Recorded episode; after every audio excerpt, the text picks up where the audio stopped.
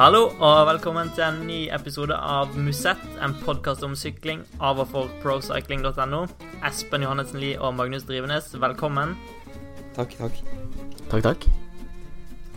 Ja eh, Vi må vel starte med deg, Magnus. Du har jo vært på en eh, eventyrlig reise siden forrige podkast. Har du lyst til å utbrodere for eh, våre lyttere? Eh, altså Jeg har vært på tur til England, og som dere kanskje kan høre, så er jeg litt hes. Og vi trenger ikke Altså, dere kan legge sammen to og to, dere der hjemme. Vil du avsløre hvor du har vært? Ja, jeg har vært i Brighton og sett eh, Brighton smadre Derby 3-0 på ærverdige Amex Stadium, så det var stas. Amex Stadium, det høres ut som sponsornavn. Eh, Ja, det er eh, American Express. farvel, engelsk fotball. Espen, har du vært ute på eh, flere kjøreturer? ja, eh, ja, jeg har jo det. Jeg hadde faktisk landeveiskjøring, så det heter offisielt. Landeveiskjøring. Passende nok til podkasten.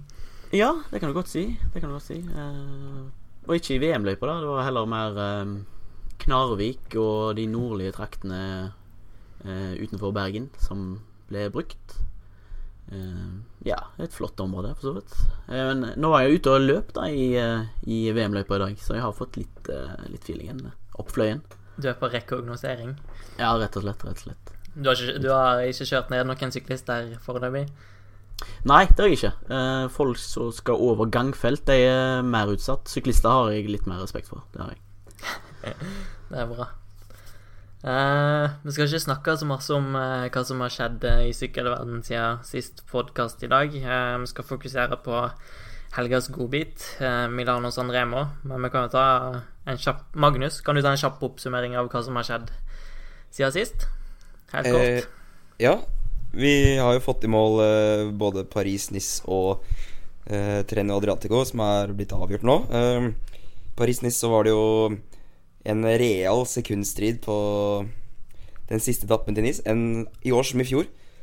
Eh, også i år gikk det ikke Alberto Contador sin vei, men eh, det var eh, Team Sky som trakk det lengste strået nok ett år.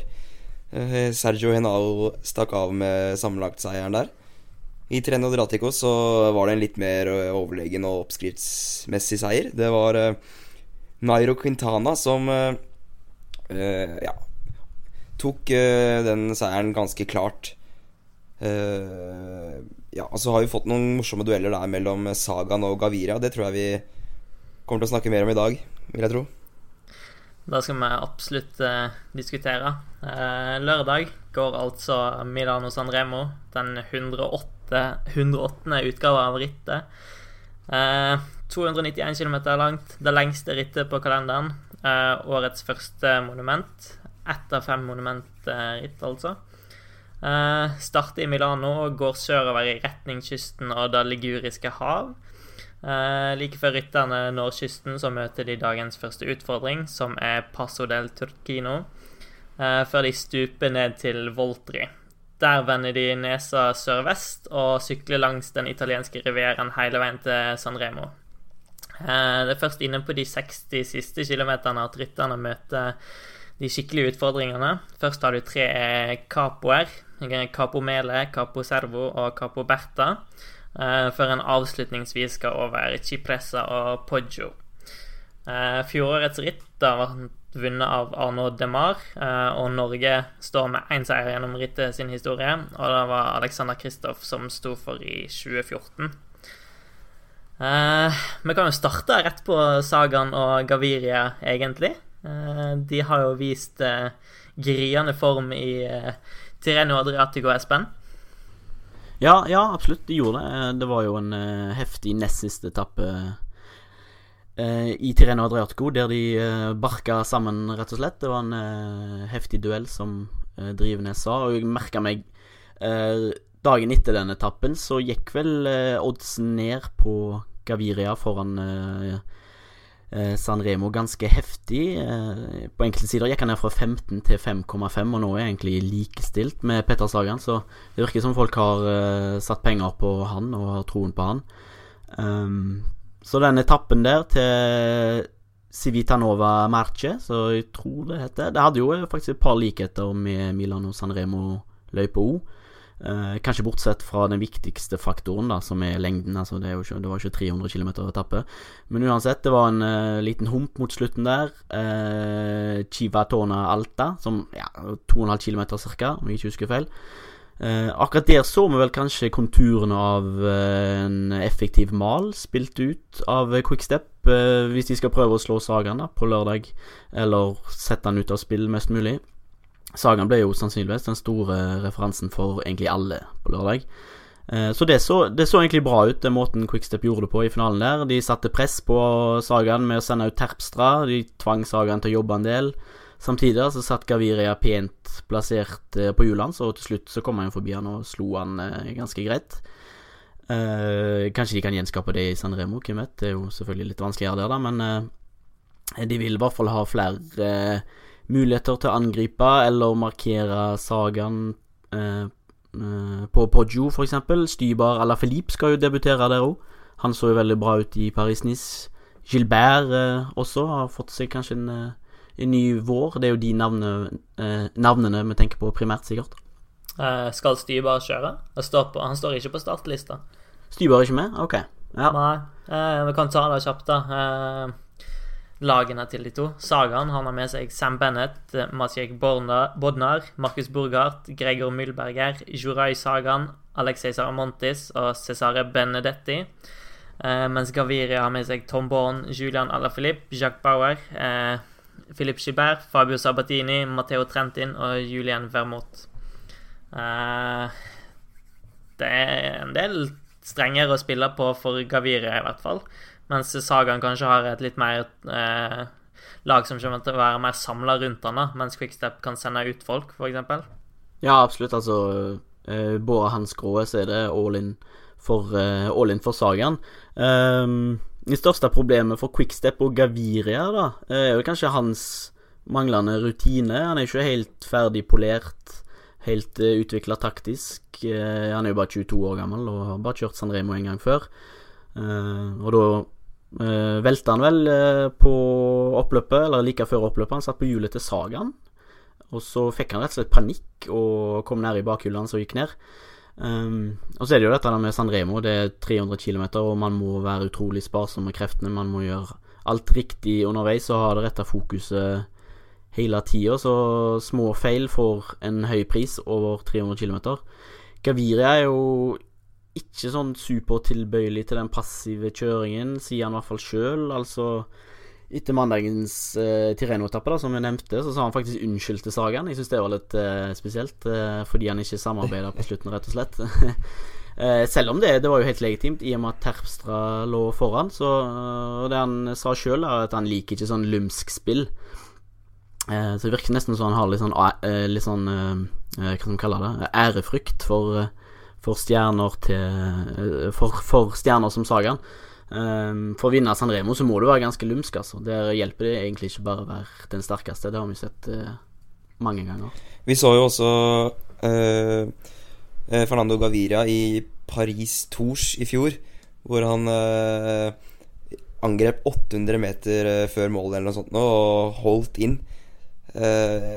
frykter du at det kan skje på nytt, Espen? At han blir rett og slett for heit på grøten i finalen? Ja, altså det, det, som skjedde på Via Roma i fjor, er vel i hvert fall en eh, indikasjon på at han fortsatt er ung og fortsatt eh, Ja, han er spontan og eh, jobber etter sine instinkter. Og sånn sett så er han jo ganske lik, eh, lik Sagan, da. Det er han jo. Ja, det er en del likhetstrekk mellom de, eh, både i måte å sykle på og og hvilken type rytter de er. Jeg vet ikke om det var Brian Holm eller Patrick Lefebvre som har sagt at uh, Gavire er en ny Sagan, bare i enda råere form. Kan det stemme? Jo, det tror jeg nok du er riktig. De messa vel ganske heftig om det etter, etter San Remo i fjor, da han velta, og de påsto vel, de fleste i Quickstep, at han velta fra en seier der. I hvert fall Eh, Davide Bramatti og Wilfred Peters, eh, som vi har snakket om tidligere, eh, som eh, var sportsdirektørene i det rittet. Eh, og det er jo mange som sammenligner han med en, eh, med en, eh, med en Sagaen. Jeg syns det er en, eh, en riktig sammenligning å ta. Det er absolutt. Sagaen er vel hakket sterkere i motbakker. Ja, ideelt sett, altså Sagaen er jo mer komplett eh, over hele linja, egentlig. Han er jo fem år eldre, så eh, Jeg husker at Gavir er bare 22, og dette er vel den første hele sesongen hans på landvei. Han har jo kjørt en del bane eh, tidligere, sånn sett, så i år er liksom første året hans fullt fokus på landevei, og han skal kjøre Grand Tour og eh, i Giro d'Italia, antagelig. Eh, men det å liksom allerede ha vunnet en klassiker, da, eh, som han gjorde på tampen i fjor, det er jo ganske ekstraordinært. Det er litt eh, interessant å se hvordan eh, en eventuell finale mellom de to vil utspille seg, da. Eh, at Gaviria er en litt eh, ung Sagan. Om Sagan er den som holder hodet kaldt, da, og om Gaviria prøver seg på, på noe lurt. Gavira Gaviria debuterte jo som sagt i fjor og lå på hjulet til Sagan. Eh, hadde vel Det er vel ikke usannsynlig å si at han ville vært på pallen eh, hadde han ikke velta der. Eh, men Sagan har ganske god statistikk fra han debuterte i Milan San Remo òg. Han debuterte med en 17.-plass i 2011, eh, og deretter har han fjerde, andre, tiende, fjerde og tolvteplass sist da i fjor. Men da ble han vel litt eh, hefta av den velten til Gaviria. Gjorde han ikke det? Jo, utrolig nok så klarte han jo å holde seg oppreist der. Det er jo helt eh, Ja, det var veldig akrobatisk. Eh, når vi tenker tilbake på tidligere San Remo, så tenker vi jo alltid Sagaen, som har vært veldig synlig og veldig offensiv og aktiv. Men så så jeg liksom på, på resultatene. da, Bare vært på podiet én gang. Mm. Han har to fjerdeplasser og en andreplass i 2013, når Kiolek vant. Ja, riktig. Og det sier jo litt om den type avslutningen Sanremo San Remo er. Altså, du har, du har egentlig ikke råd til å gjøre eh, feil der før det straffer seg veldig. Um, eh, så nå skal det kanskje bli interessant å se om Sagaen er såpass sterk at han faktisk har, har råd til å gjøre en feil og allikevel klarer å vinne. Det ser jeg fram til å finne ut av.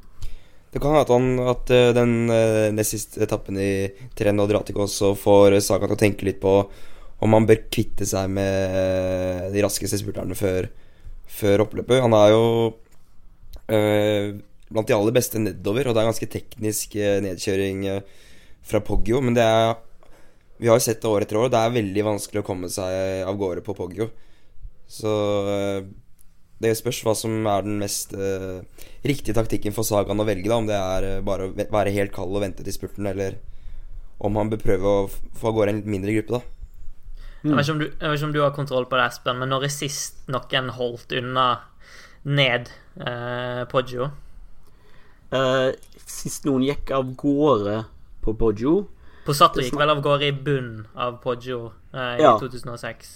Ja, og Fabian Cancellara gikk vel òg av gårde nede på flatene. Det samme gjorde vel Andrej Schmil, eh, belgisk-russeren, eh, moldoveren, eller hvor søren han er, han er fra. Eh, eh, sist noen stakk på Poggio, er vel Furlan i 94.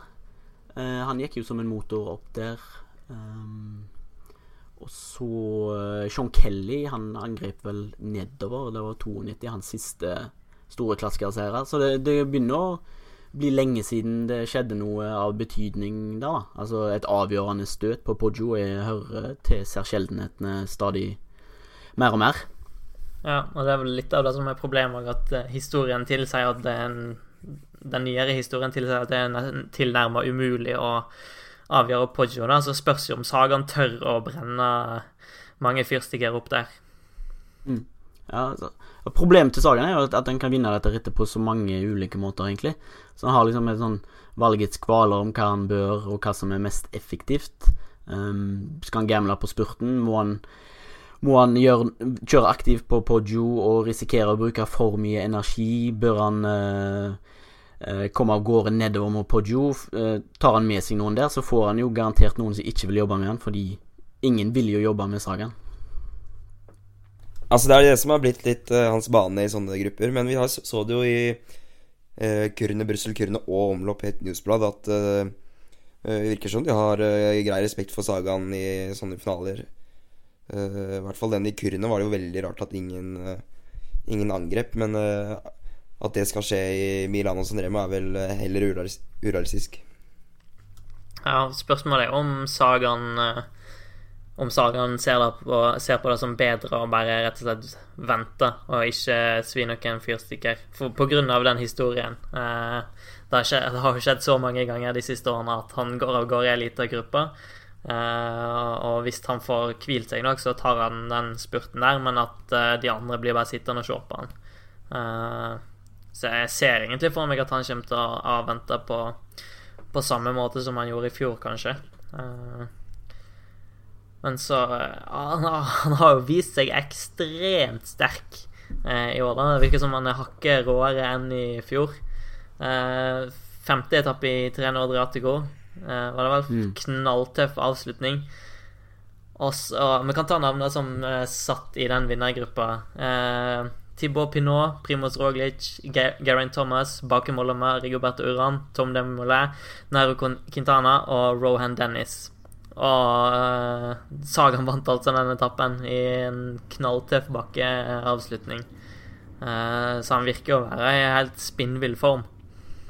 Ja, absolutt. Men problemet i San Remo er at avslutningen er ikke på langt nær like, like hard. Uh, jeg tror beste sjansen til Sagaen kanskje for endelig å vinne dette her, da, er kanskje å vise mer av det han ga oss litt snev av i åpningshelgen i Belgia i søndagen der. Der var han ganske kjølig og avventende, egentlig. Og uh, der han før har brukt mye krefter tidlig og vist sine kort, så ja, så holdt han seg litt bak i gruppa og uh, lot de andre spille ut sine kort først, før han da ganske overlegen tok spurten. Så det er litt mer den sagaen vi må se på lørdag hvis han skal vinne, tror jeg. Ja, altså... han, har altså- mest, han, har mest, sannsynlig ikke råd til å gjøre, være så kald i en mindre gruppe. Da vil de mest sannsynlig bli kjørt inn. For det går såpass fort i den finalen i Milan San Remo, og, og avstanden er jo en del mindre enn det var i, i Kyrne, så da blir i så fall ei større gruppe da, at han er litt kjølig. Ja, vi har sett at uh, sett gang på gang at Sagan er absolutt rask nok til å vinne uh, Vinne spurt i uh, ganske store grupper mot store navn, men da er det mindre sannsynlighet for at han er best hvis han må konkurrere mot DeMar, Boani, Degenkolb, Kristoff, Cavendish og hele gjengen, så så er det ikke noe tur i parken for Petter Sagan i det hele tatt.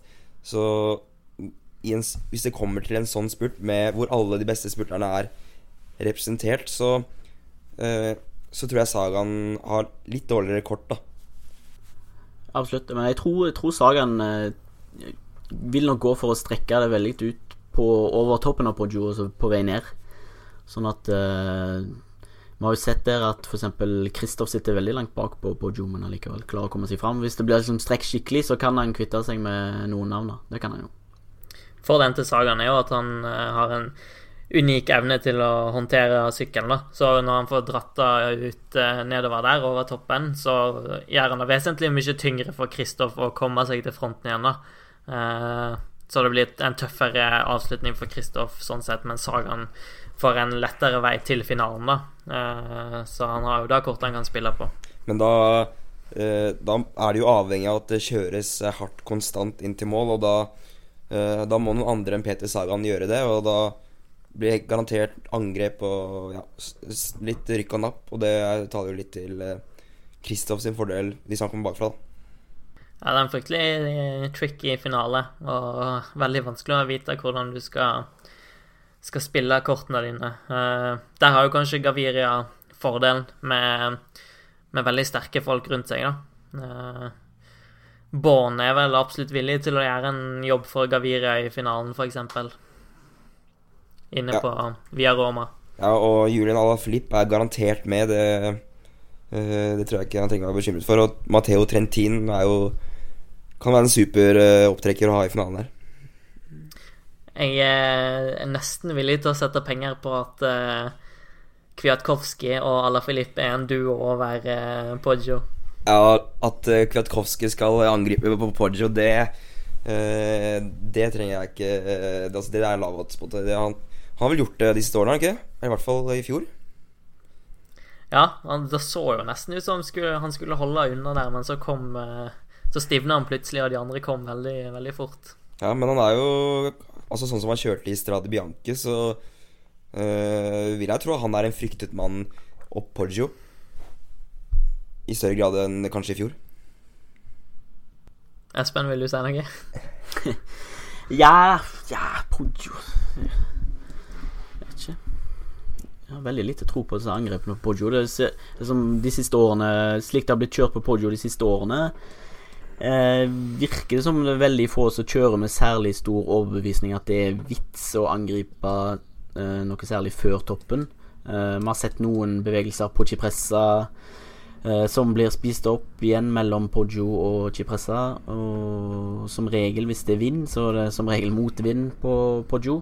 Um, det er alltid noen som prøver å strekke det ut på vei ned, uh, men lagene er såpass godt organisert nå at det er veldig vanskelig å holde unna. Altså.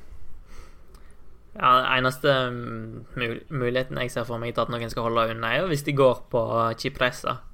Jeg, jeg, tror, jeg tror det rett og slett nesten ikke det er mulig å komme seg av gårde på Poggio. Eh, rett, for, på grunn av det du sier, Espen, med at lagene er så godt organiserte, og så har du faktorer som vind og sånt. da. Mm. Og så er rittet 291 km langt, så alle sitter ikke De som vanligvis er ekstremt eksplosive, sitter ikke igjen med den eksplosiviteten som de ville gjort i et eh, på en 200 km lang etappe, f.eks.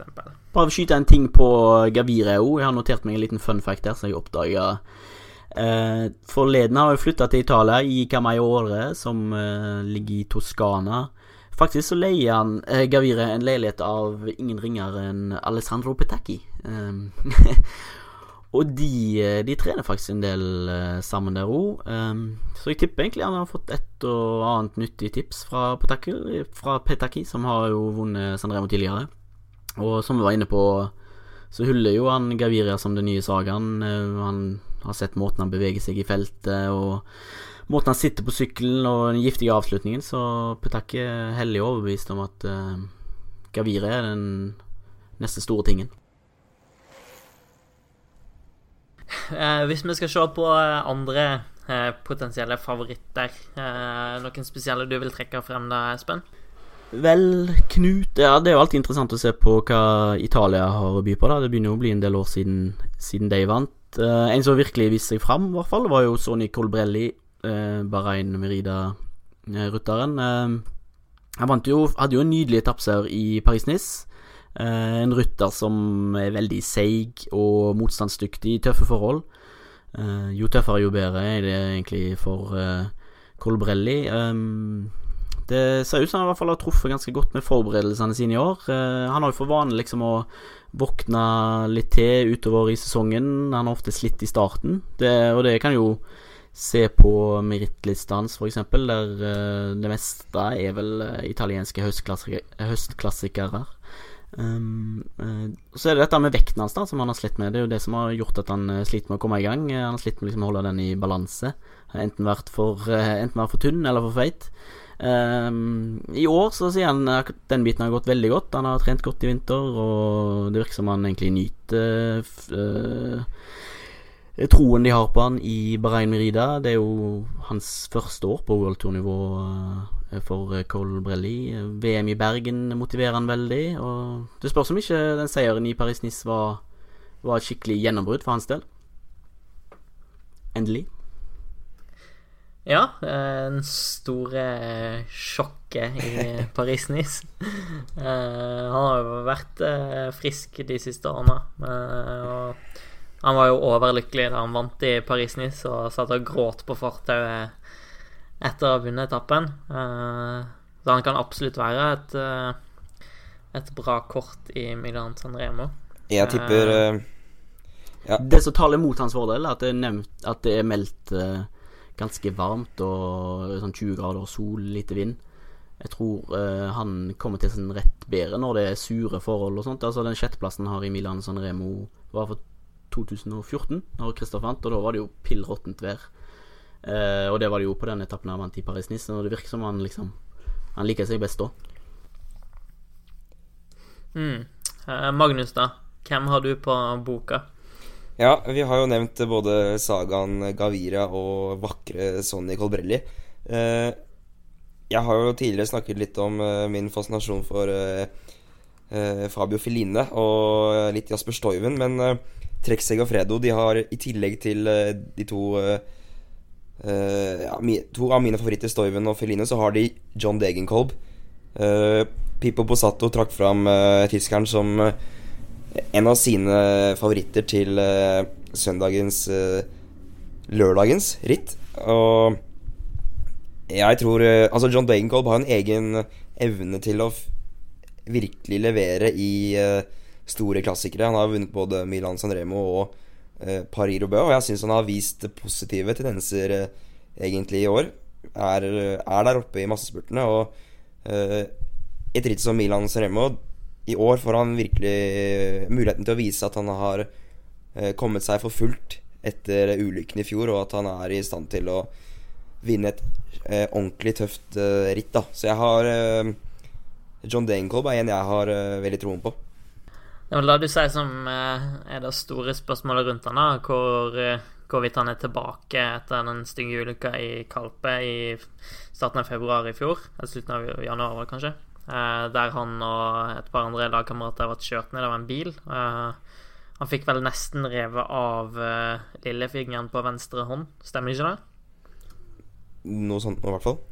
Ja. ja langefingeren? Langefingeren Pekefingeren, pekefingeren heter det vel? Ja. Stemmer. Pekefingeren. Han sykler vel med sånn blått Blått omslag på den uh, ennå, og den fingeren blir vel aldri 100% Nei, han kommer ikke til å bruke den uh, lenger. Han måtte vel lære seg å gire på nytt uh, ja. på grunn av det.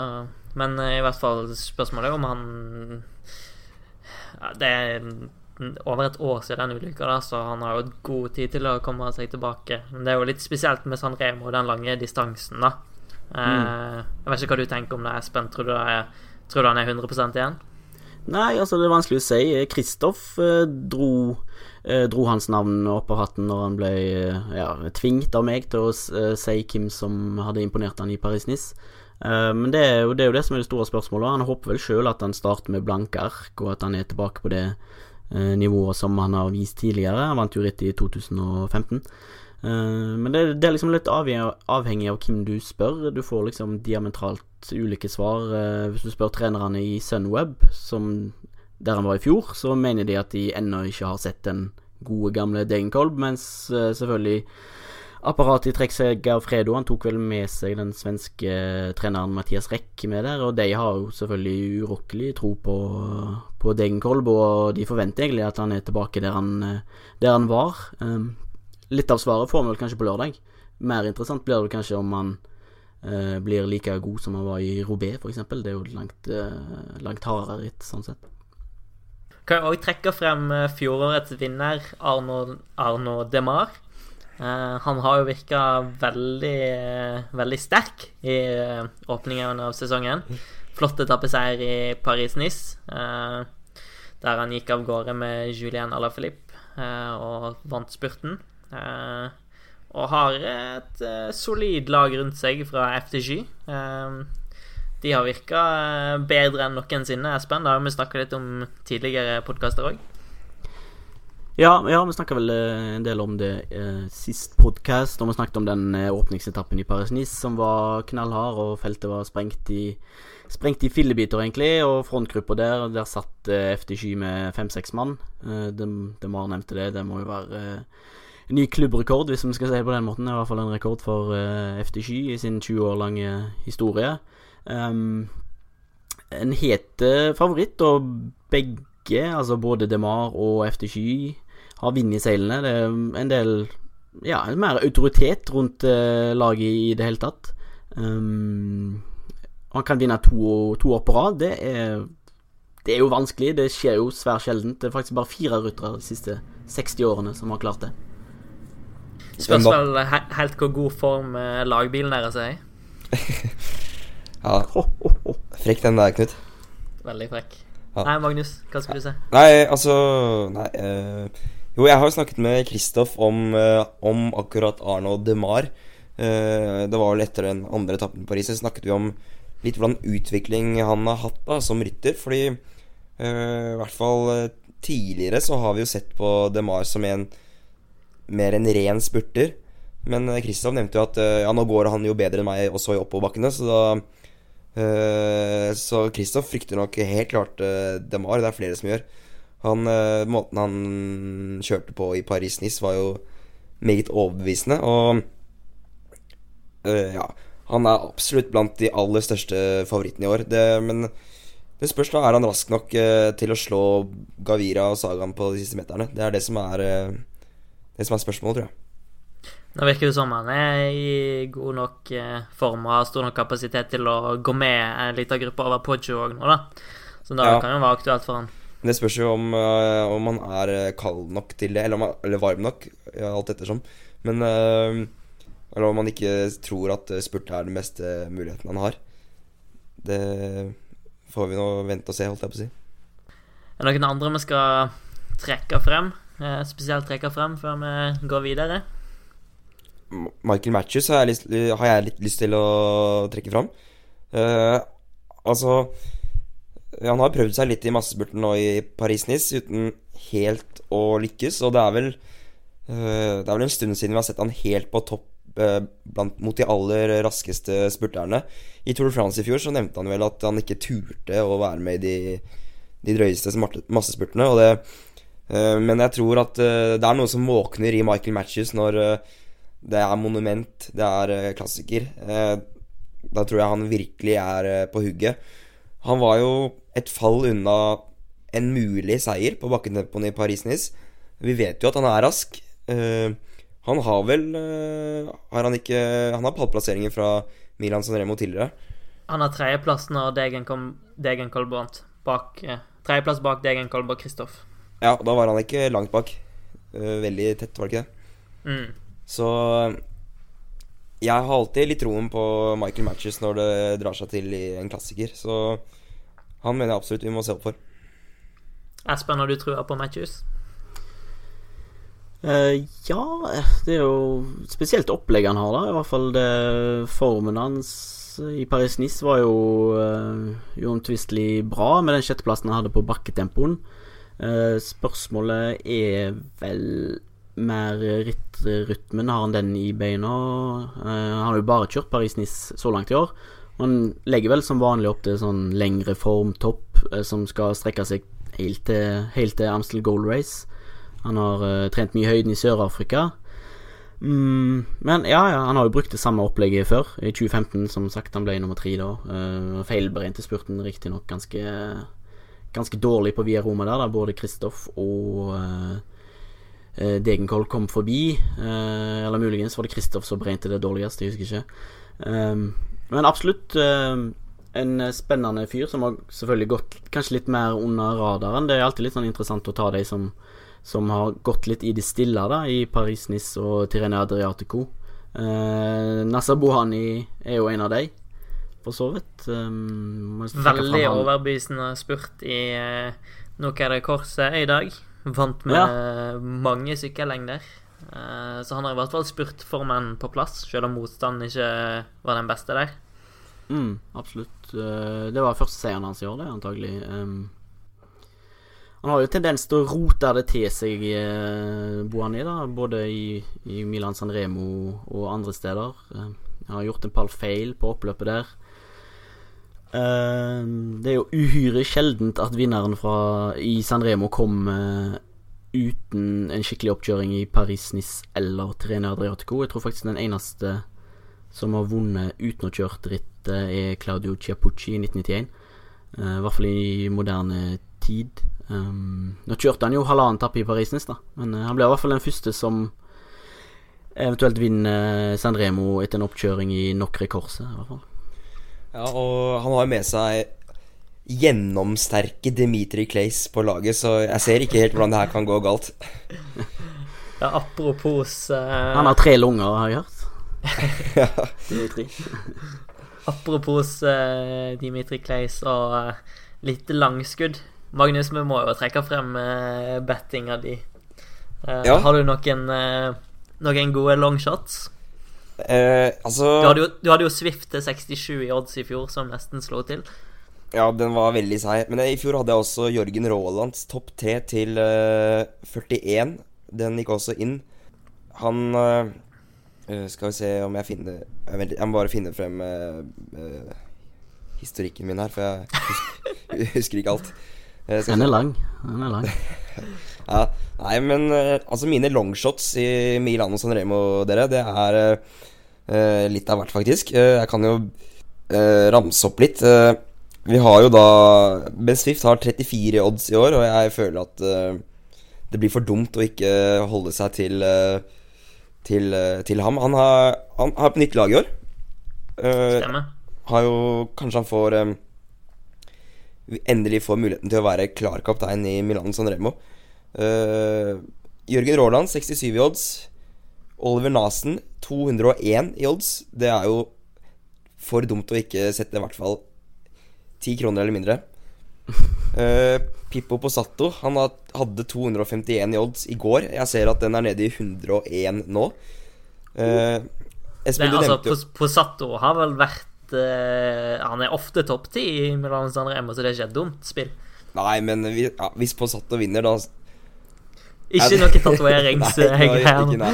nei, men eh, ja, Espen, du nevnte jo at han eh, så så sprek ut eh, på Tenerife med bak uh, Matteo Tosato uh, på uh, motor-PS der. La et bilde på Instagram her om dagen.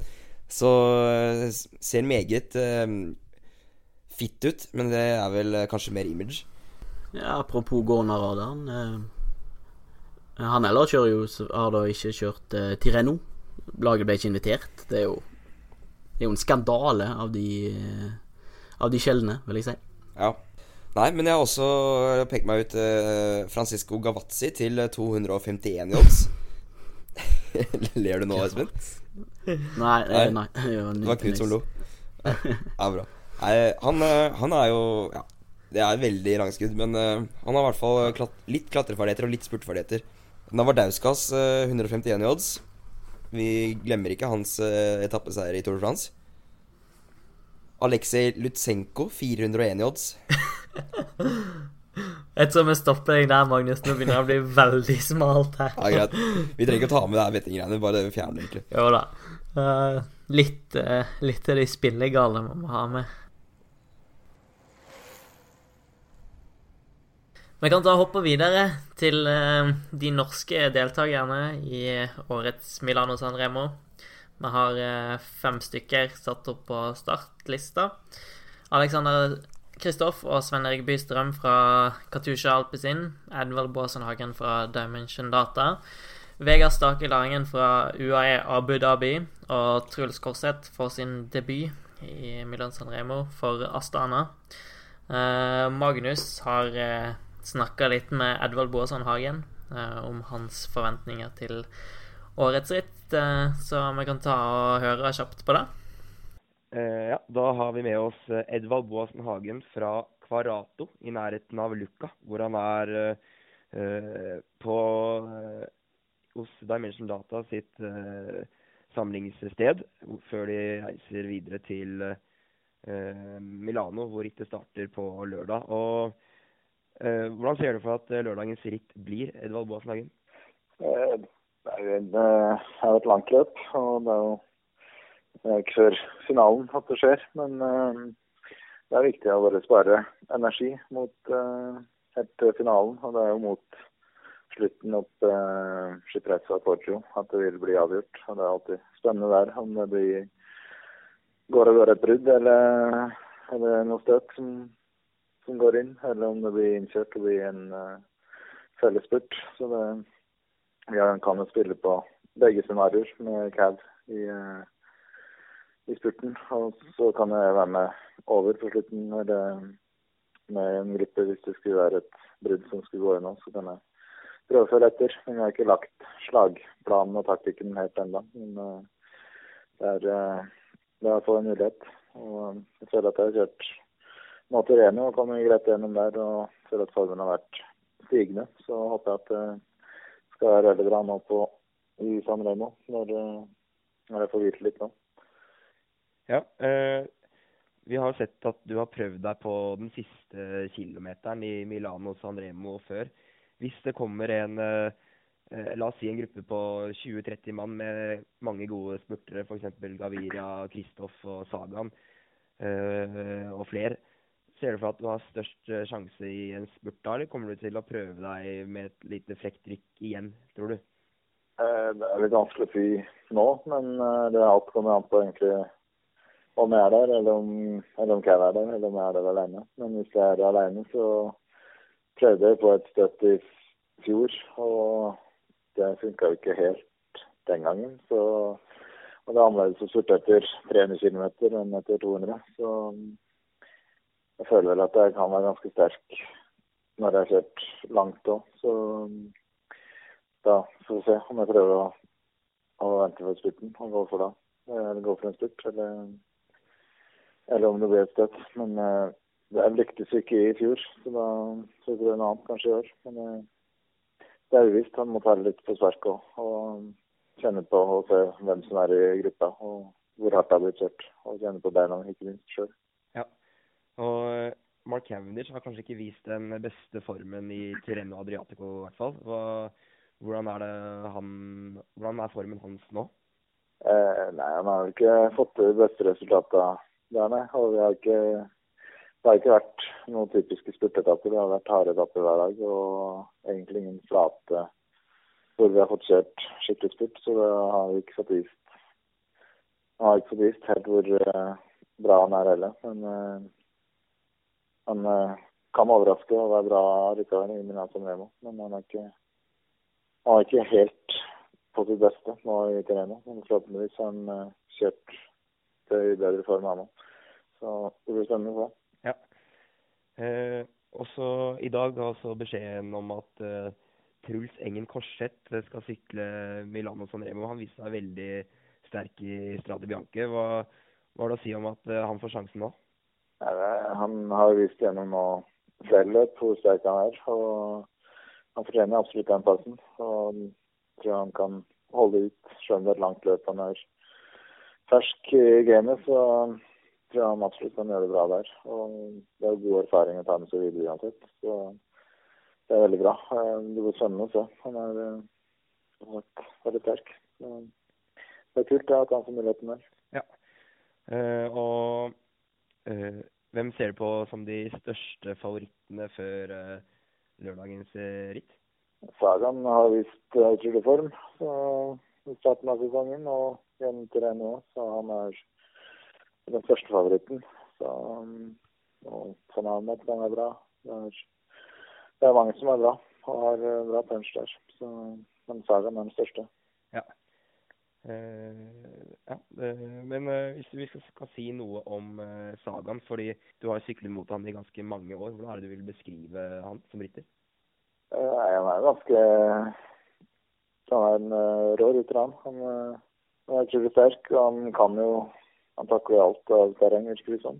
Uh, han er Han har en utrolig form nå, og vært tidligere òg, så han er en han, ja, han, han uh, manøvrerer seg og gjennom feltet på en utrolig måte å komme og er på riktig sted til riktig tid. I, uh, svært mange løp og har muligheten til å komme seg av gårde i brudd. Så han er, eh, han er fallen mann på alle mulige løp, egentlig. Og litt tilbake til eh, Milano San Remo. Du har jo, eh, i hvert fall i starten av karrieren, så sleit du litt på litt uh, lengre løp, men uh, du har de siste årene vist uh, stor fremgang. Eh, der er det noe du føler selv også, at du, at du takler distansen bedre? Ja, jeg føler at jeg har uh, taklet den bra, og det kommer med erfaring og alderen at du takler det bedre. Og um, jeg har hatt en del ja, jobba meg oppover gjennom sesongene, så jeg føler ikke at det er noe problem. og Snitthastigheten er såpass høy, så det blir ikke så mange timer, eller mye flere timer enn jeg er vant med uansett. Så det ser ikke på den som noen utfordring. Og, um, er en stor utfordring. Det blir jo uansett hardt, det er langt. Man blir jo sliten. Men eh, det bør gå veldig greit, det. Det var altså Edvald Boasson Hagen, direkte fra eh, Italia. Direkte og direkte fra blå, men eh, i hvert fall. Uh, sykler altså for Dimension Data. Har med seg Mark Cavendish, Steve Cummings, Bernard Eisel, Reinhardt, Janse van Rensburg, Josef Reguigui, Christian Sporagli og Scott Twaits. Eh, mest interessante rundt da laget er vel Cavendish og Edvald. Det er jo to sidestilte kapteiner der, så godt som vel. Virker det litt som at Edvald har eh, Jeg vet ikke hvor mye skal lese ut av det, men han virker som han har troen på at Cavendish skal, skal finne formen til eh, lørdag. Men eh, for å være Unnskyld, helt ærlig så har ikke jeg akkurat så veldig stor tro på på briten. Han han har vist at han ikke Eller først har han ikke vært så god eh, i år. Han, han, har vel vunnet noe i Abu Dhabi eller Dubai eller noe sånt noe. Midtøsten. Men uh, han har ikke vist seg som den han har vært tidligere. I, ti I, tillegg så har han vært ganske dårlig i uh, ritt hvor det har vært kupert. Vært harde, harde ritt. Det nevnte jo også Edvald, at i Tireno Adriatico så har det vært ingen rene spurtetapper. Og vi kan vel konkludere med at uh, Milano Sanremo ikke er en tradisjonell og ren spurtetappe, så uh, ja, For min del så skal jeg slite med å se Mark Cavendish i toppen på, på lørdag. Ja, det, det, er vanskelig å si med Cavendish, egentlig. Én ting som kanskje kan forklare en litt sånn treig start for Camdish. Han hadde jo en lang sesong i fjor. Uh, kjørte helt til Abu Dhabi. Og så kjørte han vel både London og Gent seks dagers. Um, og det vil si da at han har begynt årets forberedelser litt senere enn vanlig, da. Og ja, han vant vel en etappe i uh, Abu Dhabi. Første etappe i Abu Dhabi vant han. Ok, ja. Uh, så var han ikke helt med i spurtene i Terreno Adriatico, så spørs det da hvor mye vi skal lese inn i det. Cavendish er jo litt sånn smånotorisk for å kanskje bløffe litt i et ønske om å gå litt under radaren. Det gikk jo sånn f.eks. før Tour de France i fjor, så gikk det litt sånn rykte om at han uh, mer eller mindre ga uh, seieren i det britiske mesterskapet til Adam Blythe i spurten der. De kom vel opp på oppløpet én mot én der. Eh, og så så jeg et litt sånn interessant sitat av eh, Rolf Altdag, som er teknisk direktør i eh, Dimension Data. Og uansett det om Cavendish er i sviktende form, men når han starter i, i uh, en storklassiker som San Remo, så blir han automatisk 20% bedre. Så kanskje det er litt av greia med Cavendish. Ja, han har jo en egen evne til å bite mobilisere. seg med og mobilisere. Uh, så er jo spørsmålet om han Det er jo folk som har måttet bite Eller spise ordene sine tidligere, blant annet før Tour de France i fjor. Det var flere som mente han var over the top der, og det endte med fire etappeseiere. Eh, laget generelt, da, eh, er de sterke nok til å hjelpe Edvald i stor grad i finalen? Bernard Eisel er vel et sikkert, eh, sikkert kort i finalen. Ja, og Stephen Cummings også er jo meget eh, god. Scott Twaits har også vist seg eh, litt ganske, i ganske god form i Treno Adriatico, så Laget er nok ikke det aller vasseste, og det, vi skal nok ikke forvente at uh, At uh, laget blir en veldig avgjørende faktor for at uh, Boas Nagen eventuelt vinner på lørdag. Men uh, det gjenstår å se. Jeg tror i hvert fall at Stephen Cummings og Scott Fates blir de viktigste, kanskje. Hva tenker vi om Adwell sin egen form, da? Han hadde en fin sjuendeplass på den siste tempoetappen i Tirano. Eh, virker han som han er i god nok form til å kunne kjempe om seieren i Sanremo? Altså, det er vanskelig å, å lese, egentlig. Jeg, Edvald sier jo selv at formen er eh, grei. Han har jo vært eh, litt der oppe i både Stradi Bianca og Trene Doratico. I Stradi Bianca så hadde han vel et fall som hindret ham litt. Eh, så han, han, har vist litt at han er på gang, men jeg tror han er avhengig av uh, en liten porsjon flaks for å for å vinne. Han vinner nok ikke en, uh, en spurt. Det er såpass tror jeg vi kan si med, hvis det er, uh, kommer samlet ganske mange spurtere inn. Vi så jo han prøvde å angripe i fjor på den siste kilometeren, men da var, vel, var det vel Greg van Avmat som var på hjulet hans med én gang. Jeg tror kanskje at det er hans beste mulighet. Han sa at det må han se han litt, se han beina, se han hvem som er der, og, og litt sånn. Men jeg, jeg, tror nok det er hans beste mulighet. Jeg tror ikke han vinner en spurt. Og han uh, kommer nok ikke over uh, Poggio. Ja, så det, han må nok håpe på enten en liten gruppe eller å komme av gårde nede i, i byen, da. Vi kan hoppe videre til uh, Alexander Kristoff. Uh, han har jo klaga litt over uh, for, for enkel oppkjøring i Paris-Nice tidligere, men i år har han fått den harde oppkjøringa han ønsker, Espen. Ja, det tror jeg nok. Altså, Kristoffer er jo egentlig alltid der oppe. Alltid i hermetegn oppe i San Remo. Sjetteplass, seier, andreplass, ny sjetteplass i fjor. Det er siste fire utgavers resultat. Eh, selv Sagaen har ikke vært topp ti der hver gang i, i, løpet av de årene. Men eh, altså, ja. Og det er jo heller ikke noen grunn til å endre noe særlig på de forberedelsene. Eh, sånn sett. Nå sa han jo at den avslutta på en litt sånn dårlig måte i Paris-Nice. Det var jo en spurtetappe der der Katusha gjorde det meste av feil i opptrekket, så det ja, ga litt sånn sursmak i munnen, eh, siden det var den siste test da, før eh, La Primavera. Um, nå får han jo de vanlige seks dagene sine før uh, San Remo. Det gjorde han jo i fjor også. Sto av uh, den siste etappen i Paris-Nice. Og uh, i 2014 da kjørte han alle etappene, men da gikk jo San Remo om søndagen, så han hadde jo den der seksdagersluka si. I fjor så gjorde de jo feil på Via Roma sammen med Guarnieri. Hvem som hadde mest feil der, det er jo vanskelig å slå fast. Men jeg syns eh, Marco Haller har sett uh, vesentlig bedre ut i år enn han har gjort uh, på lenge, egentlig. Så han er definitivt mer fortrolig med hjelperytterrollen enn når han skulle kjøre for egne resultater i, i fjor, slik han prøvde på i fjor. Haller var vel der på de hardeste dagene i Paris-Nice, egentlig. Um, I hvert fall på den første etappen, eh, der var han i frontgruppa, så Haller ser bra ut, og det tror jeg er viktig for Kristoff uh, etter Poggio. Der har han jo vist seg å være veldig avhengig av, av Paulini. ikke minst på Cipressa òg, da. Cipressa og Poggio, for å ha en til å dra seg fram egentlig på de to knollene der det er så typisk med Kristoffer at han føler seg egentlig aldri bra underveis. Det sier han egentlig til hvert eneste ritt han kjører. Jeg har følt meg egentlig ikke bra. Det er jo hans uh, refreng, på en måte.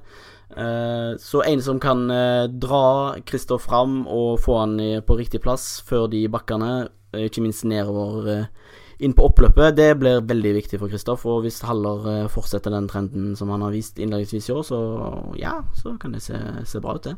Ja, altså Tidligere år så tror jeg ikke vi kunne ha forventet at Haller skal sitte med i en finale og kunne gjøre en jobb for Kristoff der.